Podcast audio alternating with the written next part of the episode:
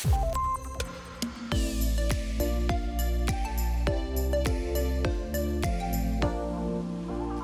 jaar geleden namen we met Maarten Steinboeg een van de eerste werkprofessor-podcasts op met de titel Hoe je bij kunt blijven in een wereld die exponentieel sneller leert dan jijzelf.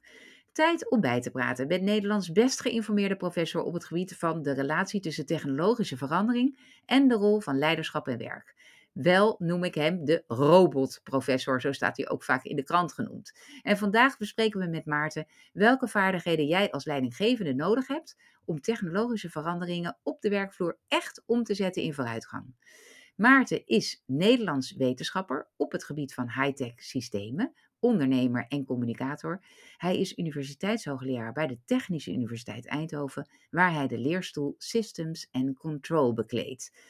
Welkom Maarten, leuk dat je er bent. Ja, dankjewel. Leuk om er weer te zijn, opnieuw. Ja, ik verheug me echt op het half uur dat ik nu met jou mag uh, spreken. Ik voel me zeer vereerd. Uh, mijn naam is Wendy van Ierschot. Je luistert naar de Werkprofessor podcast die deze keer in samenwerking met MT Sprout wordt gemaakt. Maarten, om even de eerste vraag aan jou te stellen. Wat heb je eigenlijk de afgelopen drie jaar zelf geleerd? Ja, nou het was natuurlijk, de vorige keer was midden in de, in de coronatijd. Uh, en dat was wel heel bijzonder om ons te realiseren hoe, hoe makkelijk we als land en als mensen in dat land ons gedrag kunnen aanpassen. Dus één ding wat ik geleerd heb is dat we, we wezen in het begin van die coronatijd allemaal met onze vinger naar China. Kijk eens, haha, wat ze doen met een app. Die wordt rood en groen als je wel of niet binnen mag. En dat zal nooit hier gebeuren. En zes maanden daarna eh, bleven we allemaal binnen en waar, waar mochten we niet meer naar buiten. En ik, wat ik geleerd heb is dat menselijk gedrag toch eigenlijk wel als het heel dichtbij je komt, best wel heel erg bestuurbaar is. En dat, dat had ik me niet zo gerealiseerd. We praten vaak over het klimaat, maar iedereen blijft gewoon vlees eten. Terwijl we eigenlijk allemaal weten, over 30 jaar is er gewoon geen vlees. Of mag het, kan het niet meer qua duurzaamheid. Dus ik ben heel erg de afgelopen drie jaar meer bezig gegaan met de vraag hoe we gedrag van mensen ook kunnen beïnvloeden. Uh, technologie gaat heel snel. De technologische ontwikkeling gaat nog steeds exponentieel. Meer dan. Daar komen we dadelijk nog wel even op terug, denk ik. Maar uiteindelijk is het gedrag van mensen wat bepaalt hoe de, hoe de maatschappij ten goede gaat veranderen. En uh, ja, er zijn natuurlijk de afgelopen drie jaar wel heel veel dingen gebeurd in dit kader. Ja. Ja, ik ben daar dus ook heel optimistisch over. Want ik denk, we kunnen dus in zes weken tijd heel de wereld, alle restaurants sluiten. Eh, dus we kunnen ook in zes weken tijd zeggen, we mogen niet meer uh, nou ja, vliegen. Dat kan van nu iedereen denkt, nou dan ligt de hele wereld plat. Maar ja, er heeft heel veel plat gelegen. En toch hebben we dat wel overleefd met elkaar. Uh, dus ik denk ook van, uh, ja, stel dat we zouden zeggen, we mogen toch over een half jaar geen fossiele brandstoffen meer gebruiken. Dat is nu een totaal onrealistisch scenario. Iedereen zal zeggen dat kan niet. Uh, maar ja, de vraag is of het inderdaad echt niet kan. Ja, er zijn een paar andere voorbeelden, bijvoorbeeld roken. Het, 15 jaar geleden kwam ik in Amerika en het was gewoon echt not dun om te roken in een restaurant. En hier, 15 jaar geleden, was het heel normaal. En nu is het eigenlijk gewoon echt niet, dat kan gewoon niet meer. En, en dat is heel bizar als je realiseert hoe snel we dan in staat zijn om, om ons gedrag te veranderen. En hetzelfde geldt voor hondenpoep. Ik vind het ook een leuk voorbeeld. Je ziet mensen nu gewoon met een plastic zakje achter een hond aanlopen. Had jij, had jij dat kunnen bedenken tien jaar geleden? Ik wil, no ja, way. Dus... Dan had iedereen gezegd dat je bent gek. Als jij nu ja. zou mogen kiezen, hè Maarten, als jij nu zou ja. mogen kiezen welk gedrag je zou willen aanpassen van mensen. Zoiets radicaals op technologiegebied om de wereld beter te veranderen. Wat zou je dan willen? Ik zou willen dat veel meer mensen vanuit een natuurlijke behoefte deelmobiliteit benutten. En wat bedoel je daarmee? Wat is deelmobiliteit? Een, een deelautogebruik of deelfietsen. Mensen gebruiken dat nog zo weinig. Uh, terwijl, terwijl eigenlijk voor het milieu is het veel beter om een auto veel vaker te gebruiken. Uh, dus dus ik, ik, wat ik nog steeds niet begrijp is, wat is het toch in ons gedrag dat we heel graag dingen willen hebben in plaats van dingen willen gebruiken? Ja, daar, daarvan denk ik wel dat dat ook met beschikbaarheid. Want ik denk op het moment dat je een gemiddelde auto kost volgens mij nu 2.500 euro per jaar. Als je een beetje afschrijving en benzine meeneemt. Ja. Nou, daar kan, daarvoor kun je gewoon. Voor, ja. voor, nee, ik denk trouwens dat het veel meer is.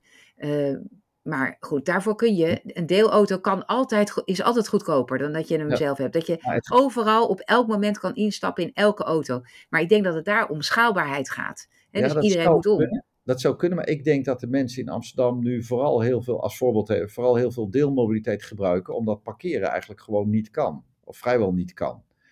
Uh, en niet zozeer omdat, omdat die deelmobiliteit er elke dag staat. Dus dat is een noodzakelijke voorwaarde, maar niet voldoende. Dat is wat ik bedoel. Dus wat, wat, wat ik wil zeggen is, als, als waar ik woon uh, in Helmond, als daar heel veel deelauto's staan, dan denk ik dat ik toch de neiging heb om, de neiging heb om mijn eigen auto te hebben. Als ik het kan betalen. En ja, dat wil ik graag beter snappen, hoe we, hoe we uiteindelijk alle grondstoffen op de meest optimale manier kunnen gaan benutten. En onze eigen basisneigingen om te willen hebben, om meer te willen hebben. Ik heb laatst een voordracht gehoord van Floris Alkemade, die is zes jaar lang onze rijksbouwmeester geweest. Heel inspirerend. Die, die heeft op, op bol.com zitten zoeken. Je kan gewoon 400 blenders kopen, 400 mixers, 400 staafmixers, als voor, eh, 400 merken crazy. Ik bedoel, de wereld die, waar, gaat... waar is dat voor nodig? Ja, precies. We ja. gaan ten onder aan de productie en de overvloed. En, uh, ja. ja en, biodiversiteit zakt in elkaar. Het klimaat is, is shit. En wat doen wij? We kunnen 400 mixers kopen op bul.com. Ik bedoel, dus, dus, maar wij hebben dus als, als mensen de neiging om onszelf te bevredigen met dingen te kopen. En we moeten dus... En hij zei ook heel goed, we zijn van producenten eigenlijk consumenten geworden. We waren vroeger eigenlijk allemaal boeren en nu zijn we allemaal mensen eigenlijk die dingen gebruiken. Ja, en, en dat is niet duurzaam. Dus, dus, en hij zei ook, we hebben 30 jaar de tijd om het te repareren. om dat te repareren, precies. Ik hoor, Maarten, af en toe bij jou je machetknopen van je jasje op je bureau. Uh, daar kan je denk ik niet zoveel aan doen, maar dan weten de mensen als ze denken van ik hoor een geluidje, welk geluidje dat is. Um, nee, dus ik begrijp dat. Ik wil, ik wil even met je naar dat werk toe. Hè? Dus, dus ik heb een soort gut feel, een idee van de verandering waar we nu voor staan met onder andere de large language models, hè, de AI, uh, ChatGPT, daar hebben we ook meerdere podcasts al over opgenomen, dat dat veel meer een fundamentele verandering in ons werk gaat brengen dan elke technologische verandering tot nu toe. Ik kan dat nog niet helemaal precies aanwijzen. We, we zeggen wel, iedereen krijgt zijn eigen interne, hè, zijn eigen stagiair. Uh, we kunnen veel meer dingen automatiseren. En tegelijkertijd zie je nu op dit moment nog helemaal niet dat het werk nou zo echt verandert. We zien wel, het kan heel snel gaan. Eh, in de marketing eh, kunnen nu bepaalde tools kunnen nu al je blog schrijven en dat ook nog op een hele goede manier doen. Wat denk jij dat het belangrijkste is wat echt gaat veranderen in ons werk? Ik denk dat uh, heel veel bedrijven worstelen met dat ze wel weten dat ze iets moeten doen met de data die ze in dat bedrijf hebben over producten of klanten of diensten. Maar dat ze eigenlijk nog niet zo goed weten wat ze nou moeten doen. En ik denk dat, dat de, de AI van tegenwoordig, die dus echt met die taal iets kan doen, dat die eigenlijk de relatie kan leggen tussen de taal die we hebben en gebruiken binnen een bedrijf, binnen documenten, binnen dossiers en de data die in zo'n bedrijf een rol speelt. Dus de doorbraak verwacht ik eigenlijk dat de ChatGPT-machines niet alleen maar documenten kunnen gaan genereren en, en ons, onze efficiëntie verhogen, maar dat die een relatie kunnen gaan leggen met data verzamelen en ook zinvolle dingen met die data doen. Want dat, dat zie ik veel bedrijven mee worstelen. Ja, dus, dus als ik het nu zou willen weten, dan zou ik zelf moeten bedenken welke data heb ik eigenlijk. Die data zou ik aan een algoritme moeten voeren. Die kan er dan een analyse over doen. En hoor ik jou nu zeggen dat je denkt, ook dat bedenken welke data heb ik eigenlijk en wat zou ik hiermee kunnen doen, dat gaat ook overgenomen worden. Dat vermoed ik en dat gaat dus versnellen dat bedrijven echt, echt iets met die data kunnen gaan doen en dat ze daar waarde uit kunnen halen. Dat vermoed ik. En daar komt een tweede ontwikkeling bij. Kijk, nu is het zo dat ChatGPT eigenlijk niet meer doet dan slimme zinsconstructies herkennen en bij elkaar zetten en daar een zinnig verhaal van maken. Maar eh, ik heb iemand horen spreken die in dat veld echt onderzoek doet. En die zei binnen één of twee jaar is eigenlijk de, eh, de, de context van tekst.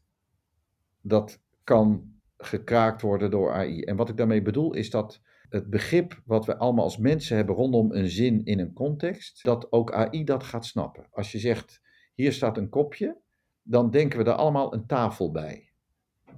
Maar als je tegen, tegen ChatGPT zegt, hier staat een kopje, dan is het nu nog niet zo dat JetGPT die context, die tafel erbij bedenkt, of de stoelen. Maar als ik het tegen jou zeg, ik zie jou eigenlijk al knikken van, oh ja, nee, en dan, dan zie je bijna een tafel met een paar stoelen eromheen. Dus dat is context van het kopje. Maar ik heb het in die taalzin helemaal niet staan. Er staat alleen maar, ik heb een kopje of ik zie een kopje. Nou, dus die context, dat is natuurlijk een, een tweede, diepere laag die er omheen gaat komen. En ik heb iemand horen zeggen dat dat binnen één of twee jaar is opgelost. Als je dat combineert met spraakherkenning, en de spraakherkenning is eigenlijk ook vrijwel af nu, ja, dan krijgen we iets heel interessants. Want dan kan ik dus spreken tegen een, een computer, kan ik spreken tegen een systeem, en die computer begrijpt mij ook echt. Niet alleen maar wat ik zeg, maar wat ik bedoel.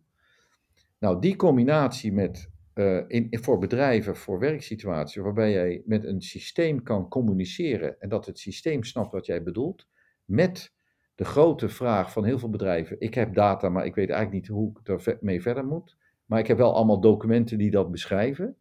Nou, die, die drie dingen, dus taal en spraak, context begrijpen, dossiers en data. Ik denk dat dat heel interessant wordt. En dan praat ik niet over volgend jaar. Hè. De komende vijf tot tien jaar wordt dat een hele belangrijke ontwikkeling. Dat zegt toch ook iets dan over wat wij in het bedrijf moeten doen om succesvol te zijn? Nou, ja, dat, ja, dat weet ik niet helemaal. Want ik, ik, ik ga toch wel terug naar het feit dat, denk ik, in de meeste werksituaties het uiteindelijk wel van contact, het contact gaat van mensen tot mensen. De meeste doorbraken ontstaan toch wel omdat mensen samen in iets geloven. En ik denk niet dat ChatGPT daar nou, uh, die kan wel dingen, uh, creatieve ideeën luxeren, die kan een stuk operationele dingen voor elkaar krijgen, maar het menscontact ga je niet vervangen en wil je ook niet vervangen. Um, en ik geloof wel dat de dynamiek tussen mensen, het ligt een beetje aan het type bedrijf, maar de dynamiek tussen mensen, bepaalt ook wel voor een groot deel de, de, de satisfactie, de bevrediging die mensen in hun werk hebben.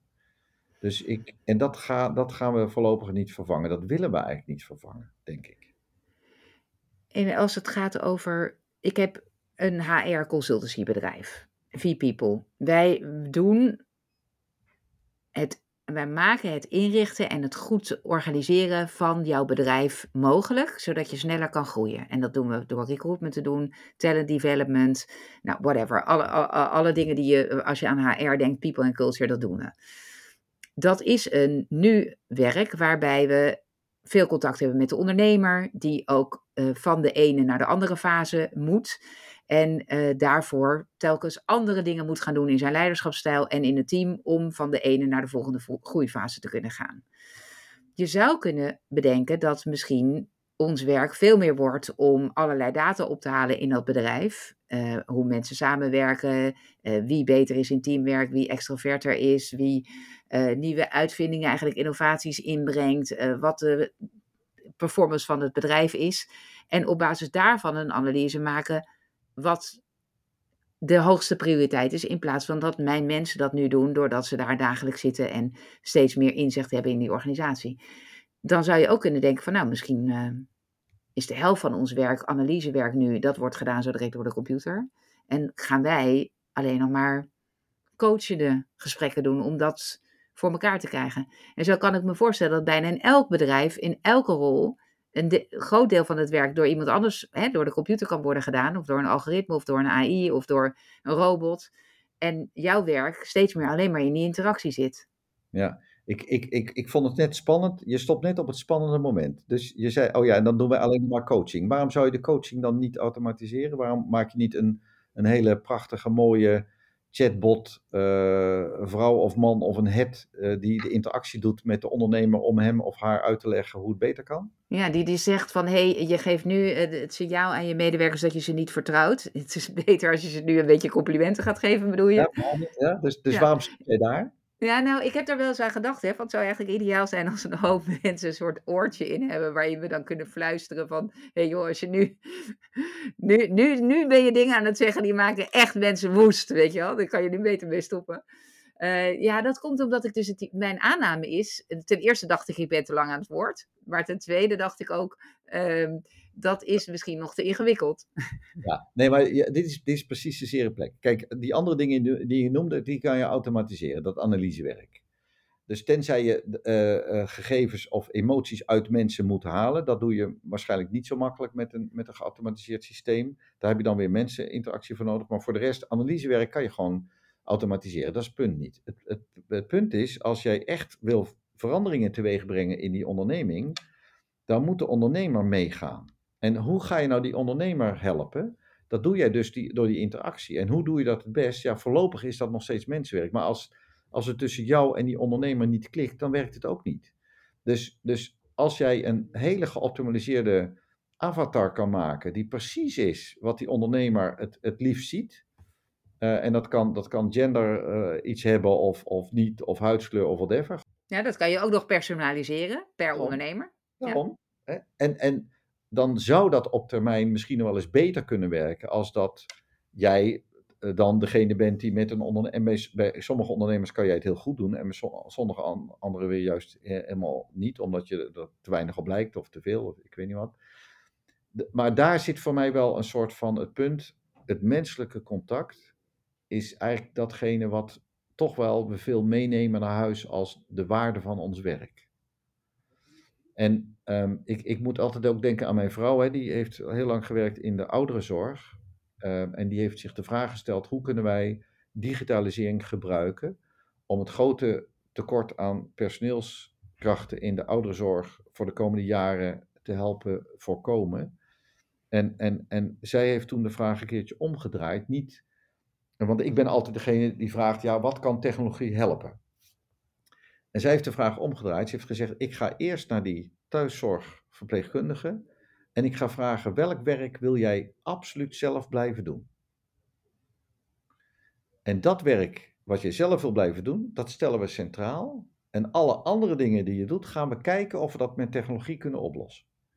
En dat zou ik eigenlijk ook ondernemers willen aanraden en, en jou, jouw vraag ook willen terugdraaien. Het is niet de vraag wat gaat technologie anders betekenen voor ons werk. De vraag moet je omdraaien als ondernemer. Wat vind ik met mijn medewerkers? En wat, wat is de cultuur in ons bedrijf? Wat vinden wij de essentie van hoe wij met elkaar omgaan? En laten we dat borgen en behouden. En dan alle andere dingen kijken of we daar technologische oplossingen voor kunnen bedenken. Ik denk dat het omdraaien eigenlijk een hele interessante andere is.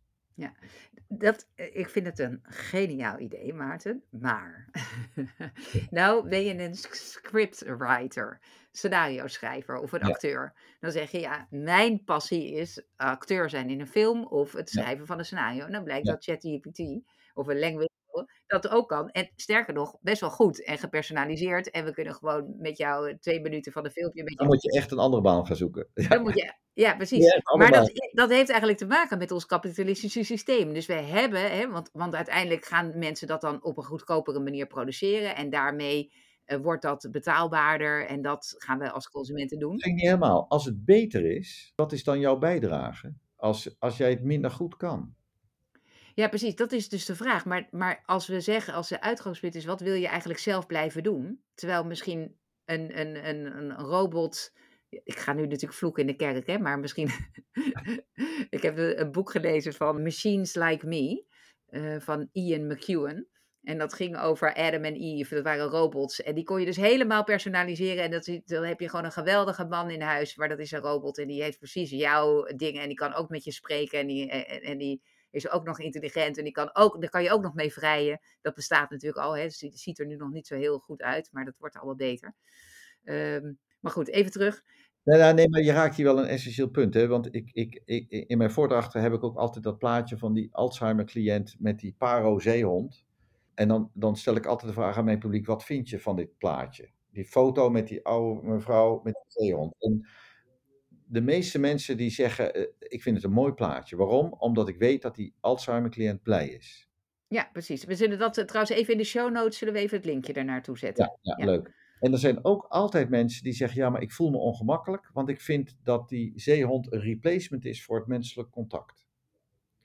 Als ik dat plaatje laat zien aan een groep zorgverleners, mensen uit de zorgsector, die zijn eigenlijk altijd blij. Waarom? Die mensen verplaatsen zich in die andere mens. Dus die, die, die, die weten echt, dus voor die Alzheimer-cliënt is het gewoon echt een prima replacement van menselijk contact. En dat, dan kom ik even terug met, jou, met jouw huishoudvriend, die je voor whatever gaat gebruiken, die een robot is. Ja, die ook de vaatwasser gaat in- en uitruimen en eh, alle troep opruimt. Ja. Maar ik vermoed dat als dat, dat de technologie nog de komende 30 jaar nog niet zo ver is, dat, dat die robot ook echt een bewustzijn heeft zoals wij dat hebben. Dus ik denk en vermoed dat jij toch iets gaat missen. Ja, dat denk ik ook hoor. Dat denk ik ook. Ik ik kan me wel voorstellen dat het dat het als een soort knuffel, hè dus ik denk als als we dan als jij over die zeehond begint, dan denk ik aan de knuffel, die ik toch als mijn knuffel op zijn kop ligt met de schoen erop, dan ga ik dan toch die schoen eraf halen en die knuffel even rechtop zetten op een op een stoel. Dat slaat nergens op, maar dat blijf ik toch doen. iedereen voelt dat, iedereen voelt dat. Eh, dus dat je die dat verband maar dat is natuurlijk geen replacement voor een fijne vriend, hè. Dat is dat Dat is. Dus, maar als die robot voor jou iets, iets veel beter doet dan die vriend en die replaced alles. Dus dat is even die, die scriptwriter waar, waarbij eigenlijk een computersysteem is die eigenlijk beter is. Ja, dan, dan vind ik dat je gewoon serieus moet zijn en moet nadenken van, wil ik dat nog blijven doen? Is er een markt voor, voor mij? En als je toch heel beroemd zou kunnen worden en mensen vinden het leuk om jou bijvoorbeeld te zien terwijl je een script schrijft, ja, dan heb je added value ten opzichte van een computer. Maar als er geen added value is, ja, dan, dan is het toch jammer, helaas pindakaas. Dan kan je inderdaad in dat kapitalistische systeem niet geld verdienen. Nou ja, er werd dus wel er werd dat dat werd wel, eh, ook, eh, ja, een beetje aan gerommeld aan die gedachte van moeten we niet zeggen, dat werk wat we juist zelf heel fijn vinden en leuk vinden om te doen en ons voldoening geeft en ons betekenisvol maakt, dat moeten we misschien verbieden, dat een computer dat kan doen. Dat lijkt mij dus niet, eh, niet realistisch, maar goed, het is wel een vraag. Het heeft geen zin. Dus het heeft geen zin om technologie te verbieden. Het heeft alleen maar zin om binnen de speelruimte die je hebt als bedrijf of als werknemer, eh, om na te denken, wat, wat, wat vind ik waarde voor mezelf en voor mijn organisatie? En te kijken binnen de randvoorwaarden of, dat, of dat, je dat kan versterken en dat doordat je de rest die vervangen kan worden eh, met door technologie. Ja, en dan moet je dus blijven nadenken over als de computer dat eenmaal beter kan, ook al vind ik dat ik daar de toegevoegde waarde in lever, dan moet je toch denken: oké, ik moet weer verplaatsen. Dus wat is dan de.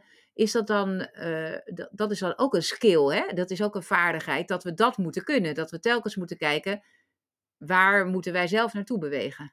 Ja, dus ehm, wat ik de afgelopen drie jaar ook nog heb geleerd, is dat ik eh, qua leiderschap iets meer kijk ook naar eh, de kwaliteit van leiderschap vanuit mijn vakgebied van regeltechniek. En wat ik heel vaak tegenwoordig uitleg, kijk, een robot werkt eigenlijk door dat hij iets meet. Hij me- een stofzuigrobot meet waar die is in de kamer, eh, de, de, de, de betere tenminste en de nieuwere. En dan heeft hij een soort terugkoppelmechanisme dat hij zichzelf stuurt naar de plekken waar hij dan nog het minst is geweest. Dus dat noem ik een terugkoppelsysteem.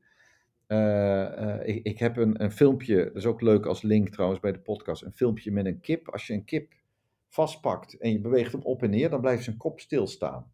Dat is een ontzettend mooi natuurlijk regelsysteem, waarbij die, en dat, is, dat is gebruikt in een eh, reclame van Mercedes-Benz voor voertuigdynamica of zo, dat die auto ook heel stabiel is. Maar dan, dan zie je dus een kip die zo bewogen wordt. Geweldige video. Een natuurlijk regelsysteem. En wat ik tegenwoordig vertel, als je nadenkt over leiding geven, dan is het eigenlijk heel belangrijk om je bandbreedte zo hoog mogelijk te maken, zoals het in de regeltechniek heet. Ik heb al eens een paper gelezen, de, de beste leiders van de wereld hebben een hele hoge bandbreedte. Wat betekent dat? Dat je heel veel je eigen prestatie meet, zonder meetfout, en dat je jezelf heel veel corrigeert. Dus, dus een goed leiderschap bestaat eruit dat je heel veel met de spiegel naar jezelf kijkt, dat je jezelf echt goed waarneemt, dat je geen meetfout maakt en dat je jezelf corrigeert. Het leuke is, vanuit de regeltechniek kan ik bewijzen, wiskundig, dat het maken van een meetfout is erger dan het maken van een actuatiefout. Stel je voor, je bent in de auto, je stuurt, jij bent het regelsysteem. Als jij je ogen dicht doet, meet je niet meer. Dan weet je dus ook niet dat je van de weg afraakt. Als jij een stuurfout maakt, maar je meet het wel, dan corrigeer je jezelf. Dus meten is weten. Meten is veel belangrijker dan actueren in de zin van fouten maken. Met andere woorden, als leidinggevende moet je heel goed jezelf waarnemen, maar wees niet te bang om te experimenteren. Wees niet te bang om verkeerde acties te nemen, als je ze maar waarneemt en corrigeert. Dus in antwoord op jouw vraag, ja, je moet als leidinggevende, en ik vind eigenlijk als elke medewerker tegenwoordig in deze maatschappij die zo snel verandert, je moet agile zijn, je moet dynamisch zijn, je moet, je moet bewegelijk zijn, je moet bereid zijn te experimenteren en te proberen. Maar neem vooral waar. Neem vooral je eigen gedrag waar en koppel dat terug. Maar, maar durf te proberen. Is er al op leiderschapsgebied iets wat we kunnen inzetten wat ons beter zou meten dan de dingen die we al kennen van performance reviews en 360 graden die hartstikke vol met biases zitten en Nou, wat ik ontzettend graag zou willen, is een, een oortje, wat je inderdaad, daarnet zei, vond ik een hartstikke leuk idee, een, een oortje in mijn oor, hè? een device in mijn oor, die mij fluistert uh, welke lichaamstaal de mensen om me heen uitzenden. Want ik ben natuurlijk echt een beta, dus ik heb ontzettend veel moeite om metacommunicatie te doen, zoals mijn vrouw dat altijd noemt vanuit de zorgsector. Dus mijn vrouw is in staat om als ze een gesprek heeft om te metacommuniceren. Dus die kijkt ook naar het lichaamsgedrag van andere mensen. Ik doe dat impliciet en soms gaat dat heel goed, maar soms zeg ik dingen dat ik achteraf denk, oh man, dat had je niet moeten zeggen op dat moment. Dat was ook dat voorbeeld van die ondernemer van jou daarnet. En ik, het lijkt mij een heel fijn hulpmiddel voor mezelf om ook getraind te worden in het leren kijken en waarnemen naar mensen, uh, om daar wat hulp bij te krijgen. Dat, ik denk dat menig ondernemer die metacommunicatieskills niet altijd heel goed uh, beheerst, waardoor ja, soms, soms dingen fout gaan en, en met name sociale interacties uh, ja, niet altijd prettig zijn en, en soms ook tot, tot verkeerde dingen en emoties leidt. Dus hulp, een avatar, een computersysteem die, die ons zou waarnemen en die dan, die dan daar iets mee doet. Dat lijkt me eigenlijk wel heel gaaf. Ja. ja, nou, dat is dan misschien een mooi nieuw onderzoeksproject wat ooit naar voren komt. Maarten, we hebben nog een minuutje. Uh, wat zou jouw tip zijn aan ondernemers? Of wat is, wat is het belangrijkste voor ondernemende professionals of mensen die zeggen: hey, dat is in de relatie tussen werk, nieuwe technologie, echt een hoek waar je op zoek naar moet? Nou ja, kijk, ik werk in de universiteit en wat zo leuk is aan werken aan de universiteit is dat je elke dag met jonge mensen werkt. Dat geldt ook voor het onderwijs. En ik zou eigenlijk iedereen willen inspireren om vooral elke dag wakker te worden en nieuwsgierig te zijn naar de nieuwe dag en optimistisch te zijn. We hebben, we hebben goud in onze handen om onze wereld veel beter te maken. We moeten alleen wel aan de bak met z'n allen. Ja, en wees nieuwsgierig en heb respect voor elkaar. En ik denk dat je dan een heel eind kan komen. Maarten, mag ik jou heel, heel, heel hartelijk danken uh, voor jouw tijd die je weer aan ons hebt besteed. Ik zou heel graag nog anderhalf uur met je verder willen praten, maar we zijn helaas beperkt door de tijd. Dankjewel. Heel graag gedaan. Het was uh, genoeg om weer uh, door jou ondervraagd te worden. Ja. Dankjewel. En voor elke luisteraar, uh, leuk dat je luistert. Fijn ook dat je nu op ons nieuwe platform bent. Um, deel dit, want er zijn natuurlijk een heleboel luisteraars die, die de, misschien de nieuwe Spotify-account nog niet hebben ontdekt. Of nog niet weten dat we nu in plaats van bij BNR met MT Sprout deze podcast maken. Als je het deelt, tag me daarin en dan verloot ik onder de mensen die dat doen. En wij verspreiden weer nieuwe boeken. Veel plezier en als je tips hebt, laat het me weten op Wendy apenstaartje vpeople.com en V schrijf je met V-I-E. Tot de volgende keer.